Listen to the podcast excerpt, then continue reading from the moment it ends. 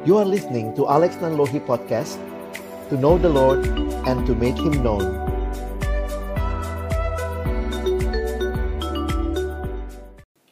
Mari kita berdoa sebelum kita membaca merenungkan firman Tuhan.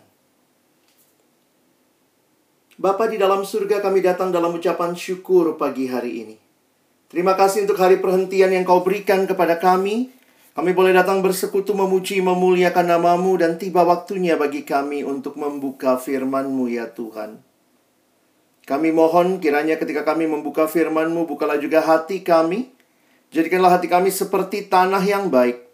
Supaya ketika benih firman Tuhan ditaburkan, boleh sungguh-sungguh berakar, bertumbuh, dan juga berbuah nyata di dalam kehidupan kami.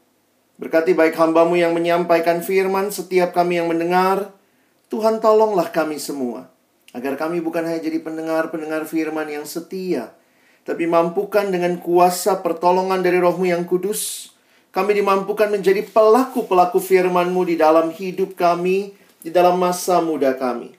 Bersabdalah ya Tuhan, kami anak-anakmu sedia mendengarnya.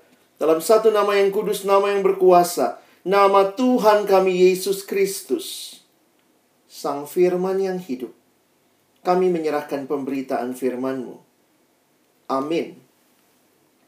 Shalom, selamat pagi, saudara yang dikasihi dalam Tuhan Yesus Kristus. Bersyukur buat kesempatan indah ini Tuhan berikan kesempatan kita menikmati pesta rohani bersama-sama. Tema yang akan sama-sama kita pikirkan di dalam Sunday worship kita sesuai dengan yang disampaikan dari panitia adalah the greatest privilege. Nah, saya bersyukur kembali boleh mendengar dan juga melihat bagaimana Tuhan memimpin perjalanan youth camp sampai hari ini.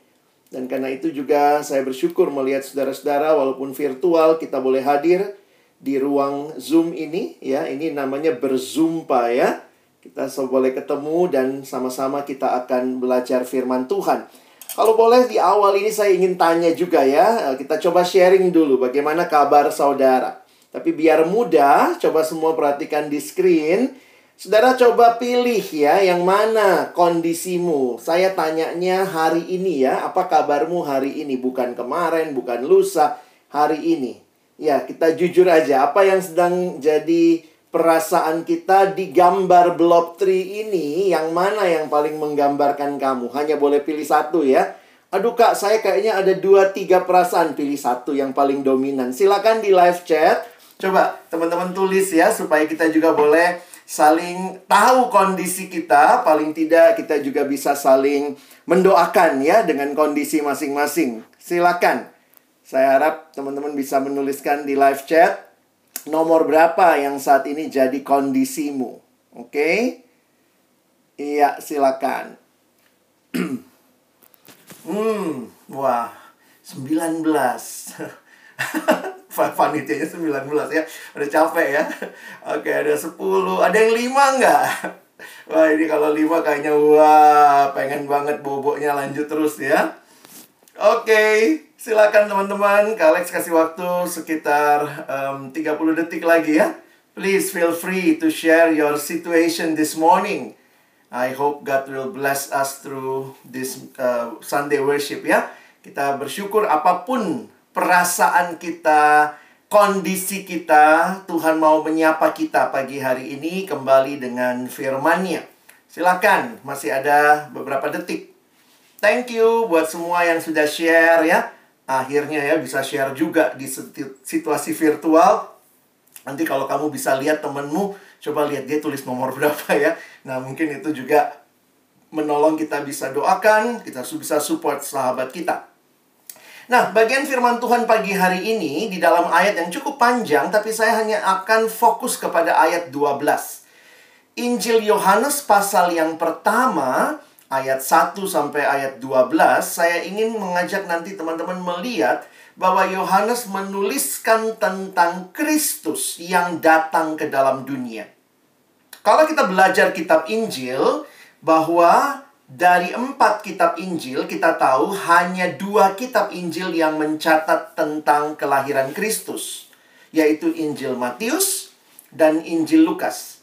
Markus sama sekali tidak mencatat tentang kelahiran Kristus dan Injil Yohanes mencatat bukan hanya tidak catat kelahiran juga, tetapi Injil Yohanes mencatat praeksistensi Yesus.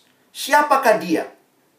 Sebelum dia datang ke dalam dunia ini di dalam sejarah, maka kita memperhatikan di dalam Yohanes 1 ayat 1 dikatakan pada mulanya adalah firman, firman itu bersama-sama dengan Allah dan firman itu adalah Allah.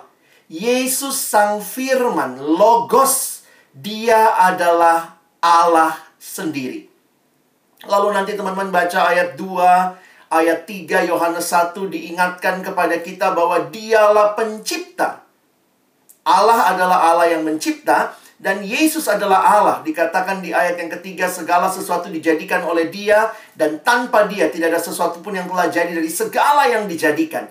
Berarti dia adalah Allah pencipta, dia adalah Allah yang kekal sejak mulanya bersama-sama dengan Allah dan dialah sumber hidup. Ayat 4, 5, 6 kita melihat begitu rupa digambarkan tentang firman itu. Yesus sang firman. Dan ayat yang ke-14. Firman itu telah menjadi daging. Telah menjadi manusia. Dan inilah saya pikir menjadi satu hal yang sungguh luar biasa. Inkarnasi firman menjadi daging. Injil Yohanes pasal yang pertama menceritakan kepada kita tentang siapakah Yesus. Sebelum kita membaca seluruh Injil Yohanes, Yohanes memberikan prolog. Ini loh Yesus yang akan saya ceritakan kehidupannya. Dia adalah Allah yang menjadi manusia. Dia anak Allah yang tunggal tetapi dia datang untuk memberikan kepada kita keselamatan. Karena itu di dalam ayat tema kita hari ini, ayat 12. Tetapi semua orang yang menerimanya diberinya kuasa supaya menjadi anak-anak Allah. Yaitu mereka yang percaya dalam namanya. Saya sedikit mau review apa yang sudah kita pelajari sejauh ini. Apa yang kita sudah pahami tentang kehidupan Kristen kehidupan orang yang diubahkan, yang menerima Yesus di dalam hidupnya. Apa yang terjadi dengan hidup kita? Saya pikir ayat yang sangat menggambarkan keindahan seluruh pengalaman rohani kita adalah Yohanes 3 ayat 16. Karena begitu besar kasih Allah akan dunia ini, sehingga ia telah mengaruniakan anaknya yang tunggal, supaya setiap orang yang percaya kepadanya tidak binasa melainkan beroleh hidup yang kekal. Saudara perhatikan dalam ayat yang singkat ini terkandung dengan begitu luar biasa karya yang agung. Saya ingin mengajak kita melihat apa sebenarnya yang jadi kondisi manusia.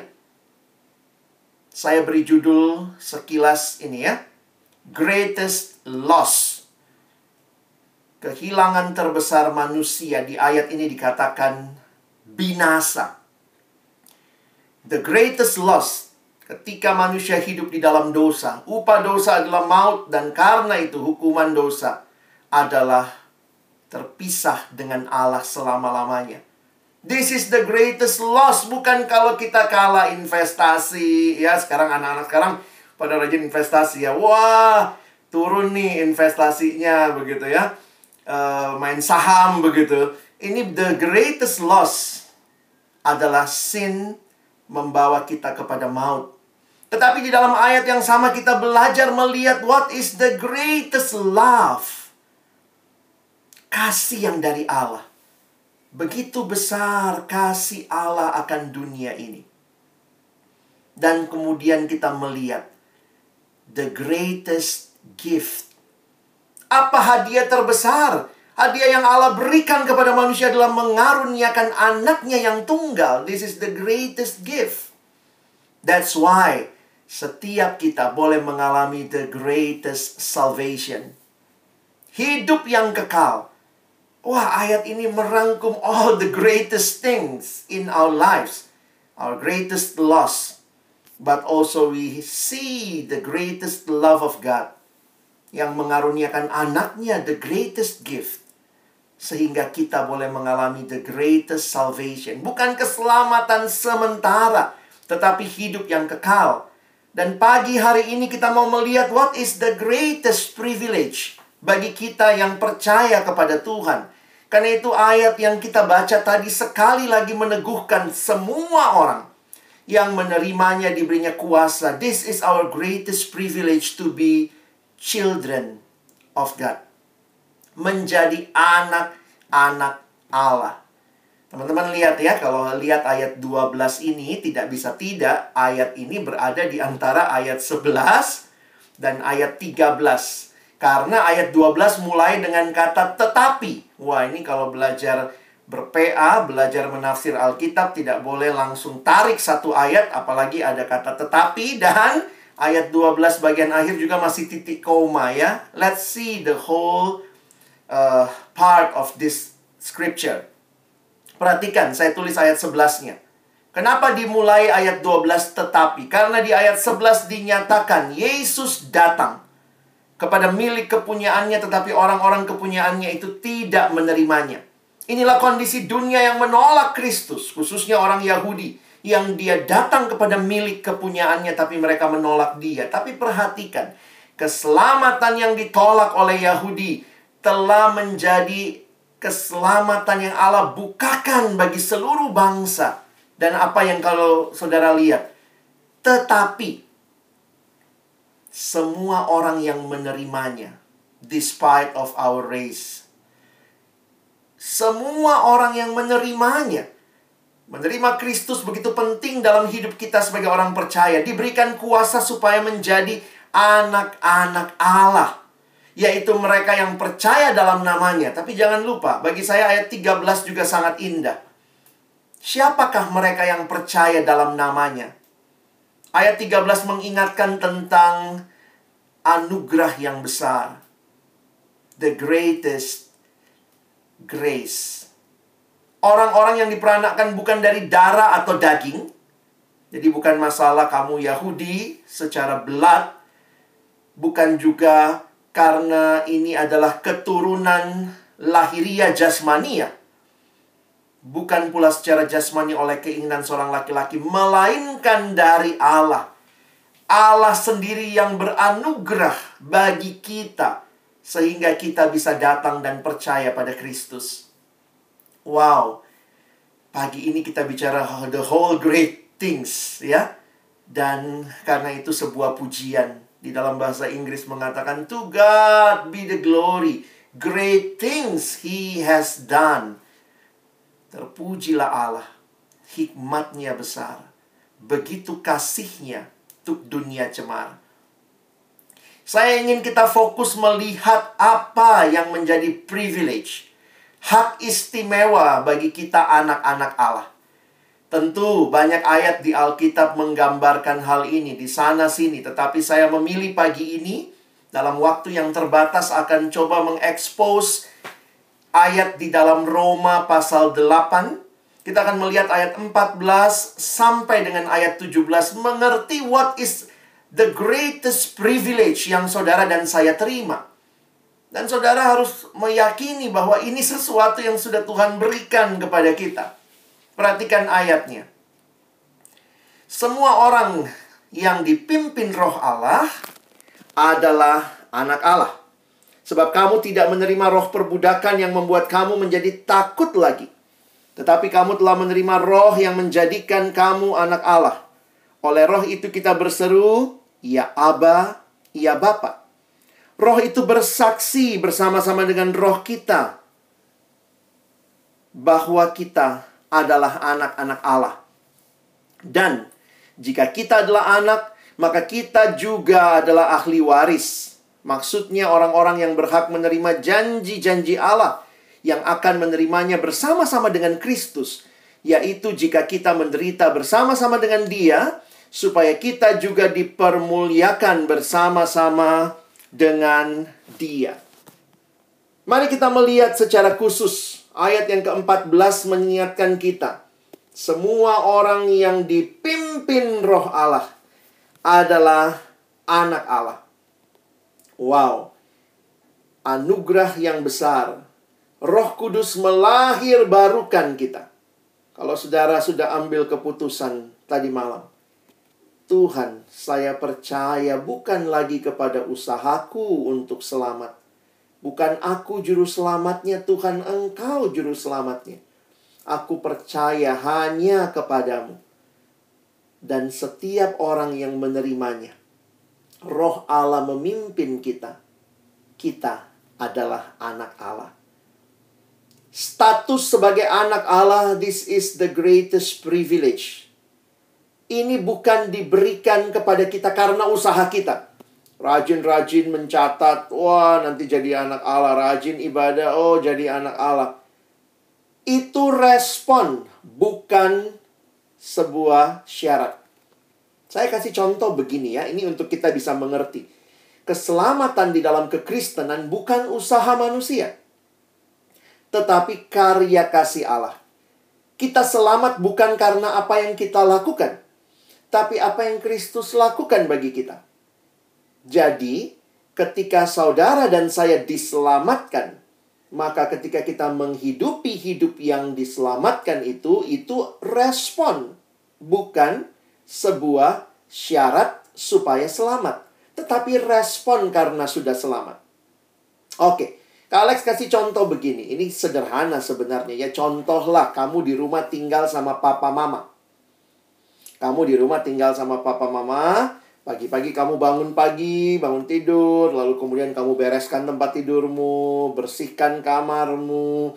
Bantu papa mungkin cuci mobil gitu ya. Bantu mama di dapur mungkin untuk beres-beres. Kamu nyapu rumah, ngepel kalau perlu. Saya mau tanya kamu lakukan itu supaya jadi anak atau karena kamu anak? Ya jelas dong, kamu lakukan itu karena kamu anak. Jadi, yang menjadikan kamu anak bukan ngepelnya, nyuci mobilnya, bantu-bantunya, tetapi memang kamu adalah anak. Karena kelahiran orang tuamu melahirkan kamu, dan kamu jadi anak mereka. Jadi tidak ada orang habis nyapu beres-beres rumah lalu bikin proposal. Papa, mama, terima saya sebagai anak. Dibilang gila kamu. Kalau sekarang ini, saudara dan saya diselamatkan oleh Allah. Dijadikan anak Allah. Maka kita yang diselamatkan yang telah jadi anak. Apa respon kita? Nah respon kita adalah bersyukur tentunya, berdoa, kita rajin beribadah, rajin baca firman, itu sebenarnya respon bukan syarat supaya selamat, rajin-rajin baca Alkitab. Bukan Alkitab yang bisa menyelamatkan kita, tapi pribadi Yesus yang dijelaskan di dalam Alkitab. Jadi saya harap kita tidak salah mengerti tentang konsep menjadi anak Allah. Ini semata-mata karya anugerah Allah yang luar biasa yang saudara dan saya responi di dalam iman. Dan dinyatakan dalam tindakan nyata kita. Tetapi apa yang indah di dalam ayat Roma 8 ini?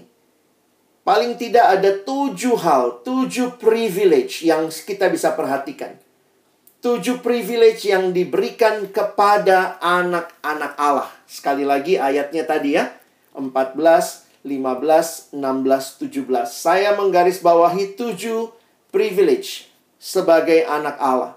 Yang pertama kita mulai dulu. Security. Ya, biar gampang diingat, saya pakai kalimat atau kata yang singkat. Security. Di mana itu?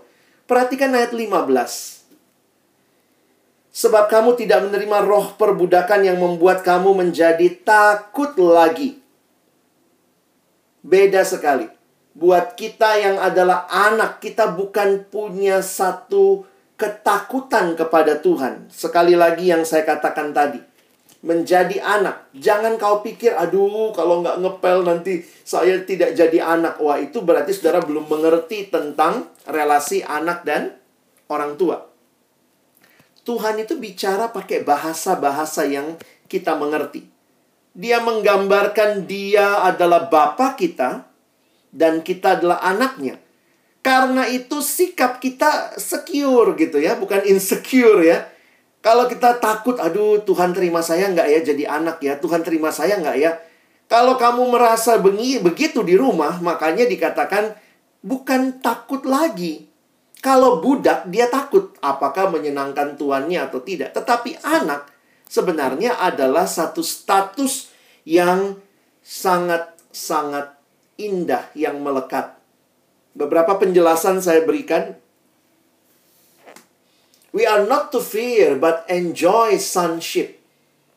Perhatikan, perbudakan membawa ketakutan, tetapi relasi anak dan bapa adalah relasi yang membawa sukacita. Contohnya, an employee or a servant basically obeys out of fear of punishment. Kalau dia nggak kerja baik-baik, waduh, berhenti nih. Jadi, uh, pekerja Aduh, nanti kehilangan pekerjaan. But a child-parent relationship is not characterized by a fear of losing the relationship. Beda. Teman-teman bukan begitu. Kita bukan takut nggak jadi anak. Ada yang bilang sama saya, kalau gitu gimana dong kak kalau kita berdosa? Perhatikan.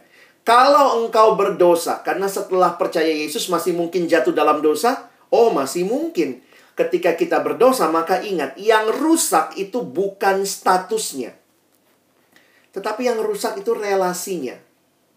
Contoh, di rumah ada satu vas bunga. Wah, mama paling sayang vas bunga itu. Selain kamu tentunya ya.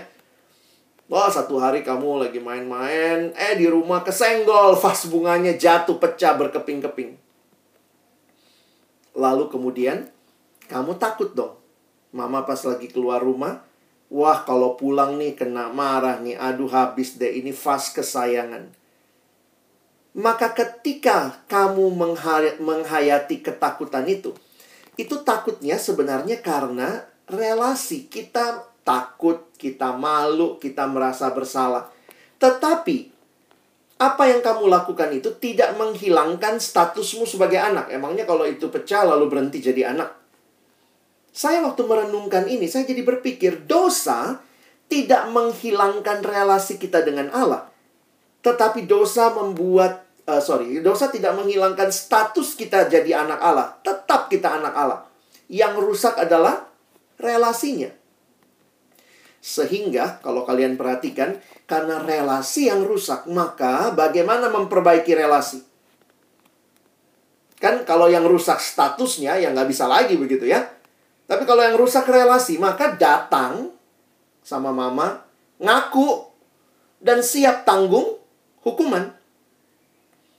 Kalau kita melakukan dosa, kadang-kadang kita malu datang sama Tuhan, ya benar nggak? Aduh Tuhan, aduh malu banget ini Tuhan, saya katanya anak Tuhan, tapi kadang-kadang iblis dengan kuat begitu memberikan kepada kita tuduhan, seperti namanya dia ya, dia iblis pendakwa. Waktu berdosa dia bilang, ah Tuhan buang kamu. Udah deh, Tuhan nggak mau lagi sama kamu. Kamu udah berhenti jadi anaknya. Biarlah kita tidak kemakan omongan iblis. Pegang janji Tuhan. Sekali anak tetap anak. Masalah saya adalah saya lagi berdosa, saya malu karena itu saya datang mengakui dosa di hadapan Tuhan. Karena itu perhatikan, di gereja ada kesempatan mengaku dosa kesempatan mengaku dosa yang dipraktekkan gereja Tuhan sepanjang abad dan tempat menunjukkan bahwa yang rusak bukan statusnya, tapi relasinya. Karena itu datanglah kembali kepada Tuhan. Ini satu privilege. Sekali anak tetap anak karena bukan kamu yang menyatakannya, karena Tuhan yang menyatakannya. Dan ketika relasi hancur, relasi rusak karena dosa yang masih mungkin kita lakukan, datang sama Tuhan. Bertobat sungguh-sungguh, akui. Dan alami lagi relasi yang indah. Wah, saya pikir ini satu hal yang indah sekali. Sedih banget kalau relasi kita sama Tuhan adalah begini. Kamu hari ini anakku. Oh, besok nakal. Oh, berhenti jadi anak. Lusa, baik lagi. Oke, balik lagi jadi anak. Itu mau bikin akte kelahiran berapa kali? Tapi kita melihat karya anugerah Allah menjadikan kita anak. You and I, we are secure in our status with Him. But we need to build relationship with God. Kalau kita lagi berdosa, datang akui. Alami pemulihan. Kamu tetap anak. Ada anak yang kurang ajar, bikin dosa lagi, udah diampuni kemarin bikin dosa lagi. Datang sama Tuhan. Akui, nikmati lagi relasi dengan Tuhan. Tentu ini bukan berarti saya bisa seenaknya mempermainkan dosa. Tidak. Kalau orang yang sungguh mengerti diampuni. Coba Kak Alex kasih contoh begini. Kamu sudah pecahin pecahin vas bunga kan? Vas bunga itu mahal banget, mama sayang banget. Wah, tapi kemudian waktu mama datang kamu datang sama mama mengaku mama ampuni saya maafin saya saya udah pecahin aduh saya akan tanggung deh uang jajan saya potong-potong deh oke okay. mama bilang baik anakku vas bunga bisa dibeli lagi kamu mah tetap anak saya udah jangan lebay gitu ya iya oke okay. oh mah saya tetap anak sudah pecahin pas vas bunga tetap anak iya mama ampuni kamu kira-kira bagaimana sikap orang yang diampuni misalnya kalau kamu jadi anak bener mah Vas bunga dipecahin tetap anak. Ye! Mana mas? Saya mau pecahin TV, saya mau pecahin laptop, saya mau pecahin HP. Itu anak kurang ajar. Kalau kamu mengerti pengampunan, kamu tidak akan main-main lagi dengan dosa. Makanya kalau ada yang bilang, enak ya orang Kristen ya. Diampuni, habis itu datang aja sama Tuhan, bikin dosa, diampuni, datang lagi sama Tuhan, bikin dosa. Saya ingatkan, betul Tuhan pasti mengampuni. Itu janji Tuhan. 1 Yohanes 1 ayat 9. Jika kita mengaku dosa kita, ia adalah setia dan adil. Sehingga ia akan mengampuni segala dosa kita dan menyucikan kita dari segala kejahatan. Tapi, janji pengampunan bukanlah paspor untuk terus-menerus menikmati dosa. Karena orang yang telah diampuni akan rindu memberikan yang terbaik, bukan menikmati dosa. Our security in God should lead us to a holy life. Ya, ini privilege, tapi juga di dalamnya ada responsibility. Ada respon, ada tanggung jawab. Tapi yang sangat-sangat indah, we are secure in the hands of our loving Father. Tuhan akan menjaga saudara, Tuhan melindungi tidak akan membiarkan anak-anaknya berada di dalam ancaman. Tangan Tuhan yang kuat itu melindungi kita. Do you do you uh, apa ya? alami gitu ya. Jangan cuma tahu kamu anak Allah, tapi anak itu apa sih yang Tuhan berikan? Tuhan berikan security. Yang kedua, Tuhan kasih kita authority. Wah, menarik sekali kalau kalian lihat kata kuasa di dalam pasal 1 ayat 12 Injil Yohanes. Tetapi semua orang yang menerimanya diberinya kuasa. Di dalam bahasa Inggris kata kuasa bisa dipakai kata power, bisa dipakai kata authority. Tetapi yang dipakai di dalam Yohanes 1:12 dipakai kata authority. Apa yang menjadi hal yang menarik? Apa privilege anak Tuhan? You have authority. Perhatikan.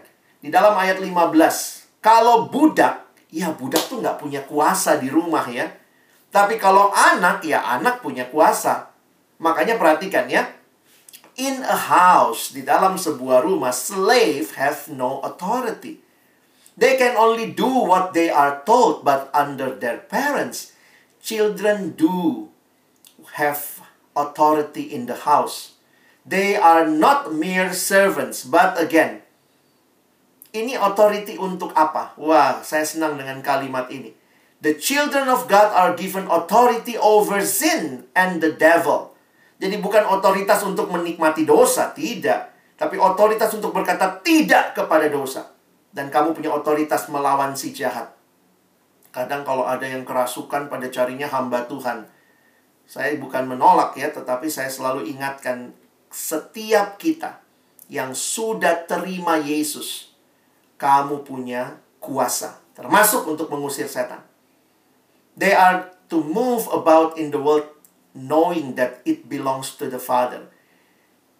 Ada lagu yang berkata, This is my Father's world. Buat kita anak-anaknya, kita selalu ingat, tidak ada kuasa yang lebih besar daripada kuasa Bapa kita. Why? Because this is my Father's world there should be a confidence and poise about them.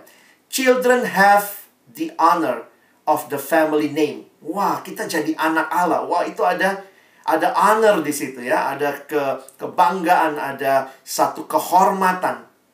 They, there is a wonderful new status conferred on us. Wah, ada status yang baru ya. We have security, we have authority. Yang ketiga, we have intimacy. Wah, ini udah sering dihotbahkan ya. Kalau kita bicara hati Bapa, perhatikan Kata yang dipakai di ayat 15 Roma 8 bukan sekedar bapa dalam arti father, tetapi ini kayak panggilan daddy. Aba di dalam bahasa Aramaik artinya seperti daddy. Tentu kita semua punya panggilan kepada papa kita. Ada yang panggilnya papa, papi, pap, begitu ya. Apa pun panggilannya, dad. Nah, ini panggilan yang intim sekali, menunjukkan kedekatan relasi karena itu Dr. Martin Lloyd Jones dalam tulisannya dia mengatakan perhatikan ada kata cry di situ ya kalau bahasa Indonesia menerjemahkan kita uh, berseru tapi sebenarnya bahasa Inggrisnya dia pakai kata yang lebih dari sekadar berseru ya not only shout but cry ya let us notice the word cry we cry Abba Father It is a very strong word and clearly the apostle has used it quite deliberately. Sengaja Paulus pakai ketika dia bilang a loud cry. It expresses deep emotion.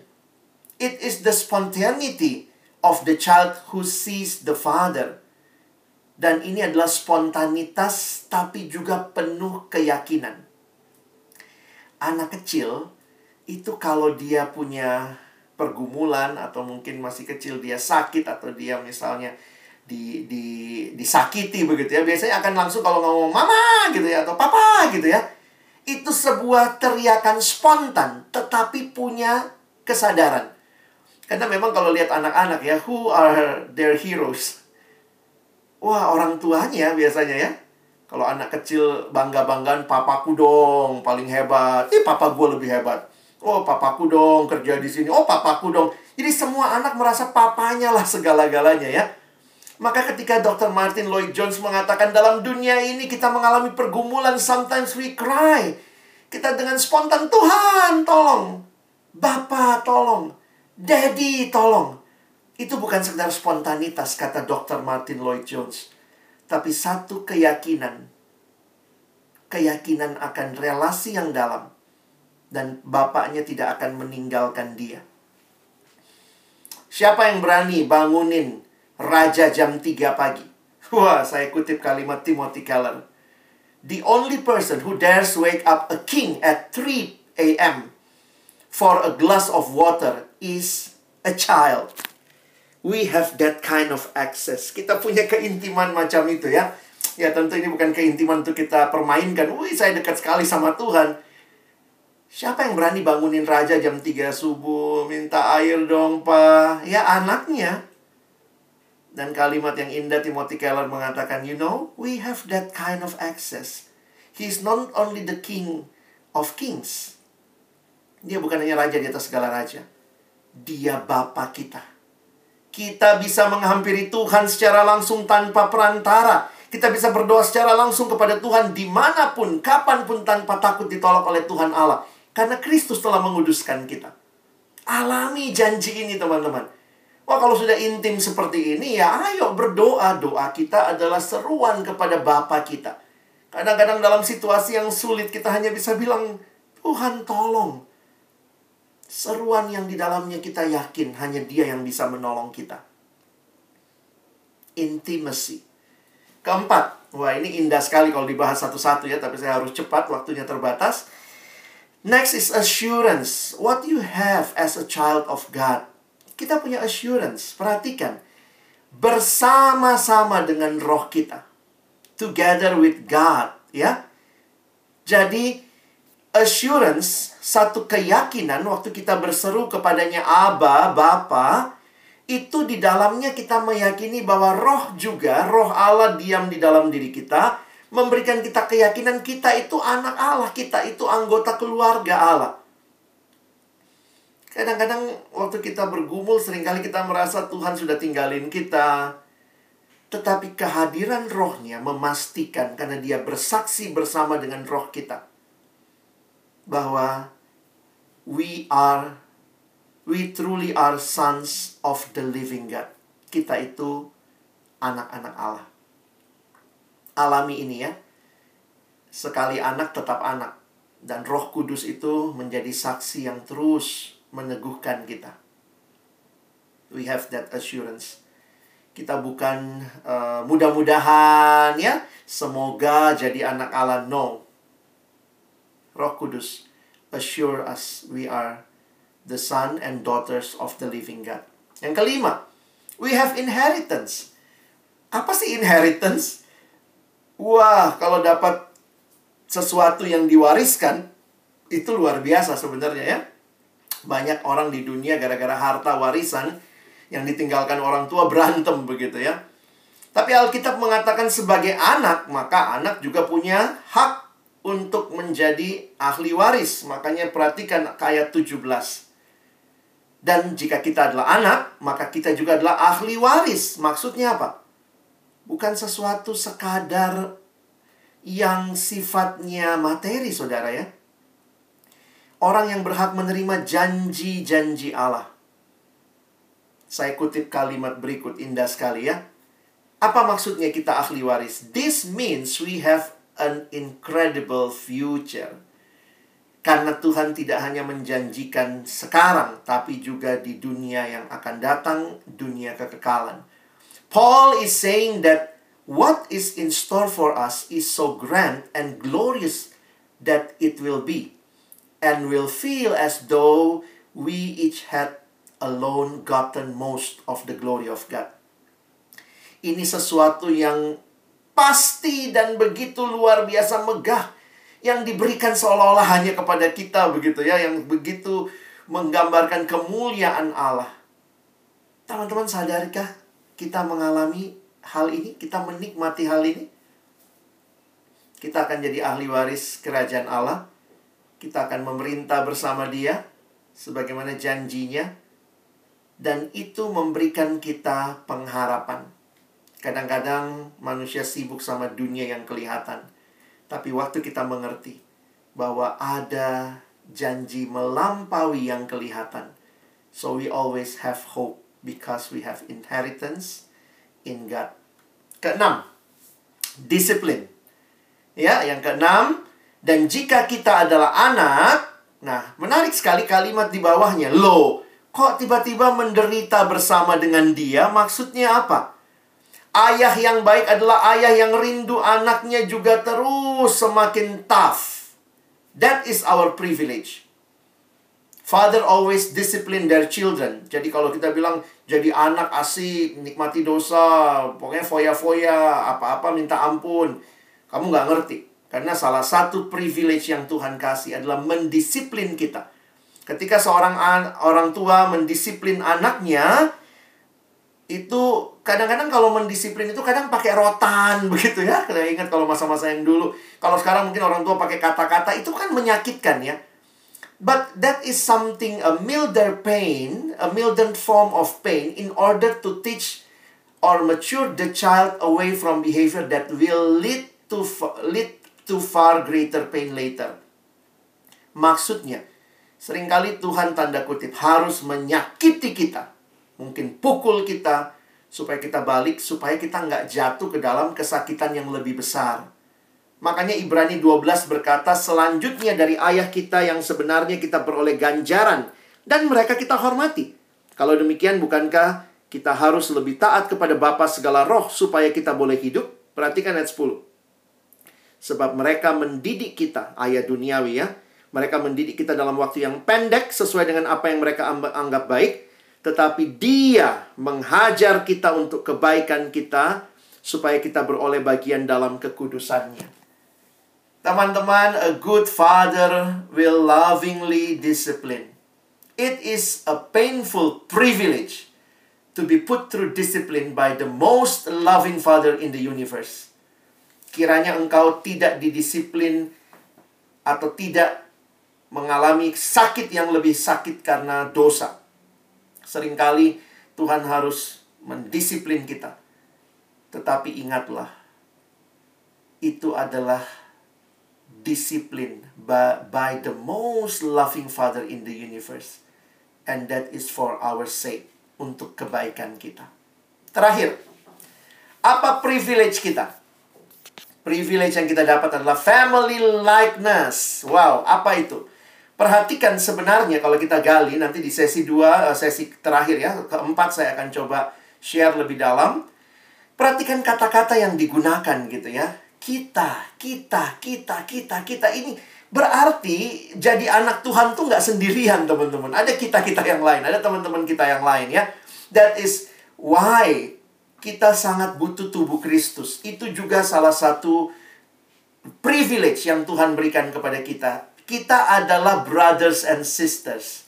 Dan ini konteksnya juga termasuk dalam penderitaannya. Christian will suffer not simply in the pain of this world that all people face, but specifically because they are brothers and sisters of Christ. Pertama dan terutama kita ini saudara-saudarinya Yesus. Nah, perhatikan ya. Ini, Roma 8 mengatakan, sebab semua orang yang dipilihnya dari semula, mereka juga ditentukannya dari semula untuk menjadi serupa dengan gambaran anaknya. Jadi kita tuh kayak family. Yesus itu kakak tertua. dia yang menjadi yang sulung di antara banyak saudara. Dan karena dia kakak tertua dan kita diadopsi menjadi anak-anak Allah, ya, maka though we are adopted, God actually implants Christ's nature in us. Kalau teman-teman dan saya bertumbuh, maka ingatlah pertumbuhan kita di dalam keluarga Allah semakin serupa dengan Kristus. Dan ini yang diingatkan ya oleh Rasul Yohanes sama kita. Saudara-saudaraku yang kekasih, sekarang kita adalah anak-anak Allah. Tetapi belum nyata apa keadaan kita kelak. Akan tetapi kita tahu bahwa apabila Kristus menyatakan dirinya, kita akan menjadi sama seperti dia, kakak sulung kita sebab kita akan melihat dia dalam keadaannya yang sebenarnya. This is our privilege to be in the family likeness. Kita akan menjadi serupa dengan Kristus. Dan itu bukan dimulai nanti, tetapi sejak sekarang. Tuhan tempatkan kita di dalam family of God. Supaya kita bersama-sama bertumbuh semakin serupa dengan Kristus. Ini yang Tuhan berikan privilege buat kita. Apakah saudara yang sudah ambil keputusan tadi malam mau menikmati privilege ini? In Him, as a child of God, as children's children of God, we have security, we have authority, we have intimacy, we have assurance, we have inheritance, we have discipline, and also family likeness to become more and more like Jesus. Will you say with me, I am a child of God? I know it, I live it, and I love it. Amin. Mari kita berdoa. Terima kasih untuk the greatest privilege to be called son and daughters of Christ, children of God, children of our loving Father. Tuhan terima kasih. Kami mau berjalan dengan status yang baru ini. Dengan iman yang teguh. Berserah kepada pimpinan Tuhan, taat dipimpin oleh rohmu. Memasuki hidup yang berkemenangan hari demi hari. Kami rindu sebagai anak-anak Tuhan, kami bukan mempermalukan Tuhan, tapi segenap hidup kami sungguh-sungguh mempermuliakan Tuhan. Bagimulah seluruh hidup kami, dalam nama Yesus kami berdoa. Amin.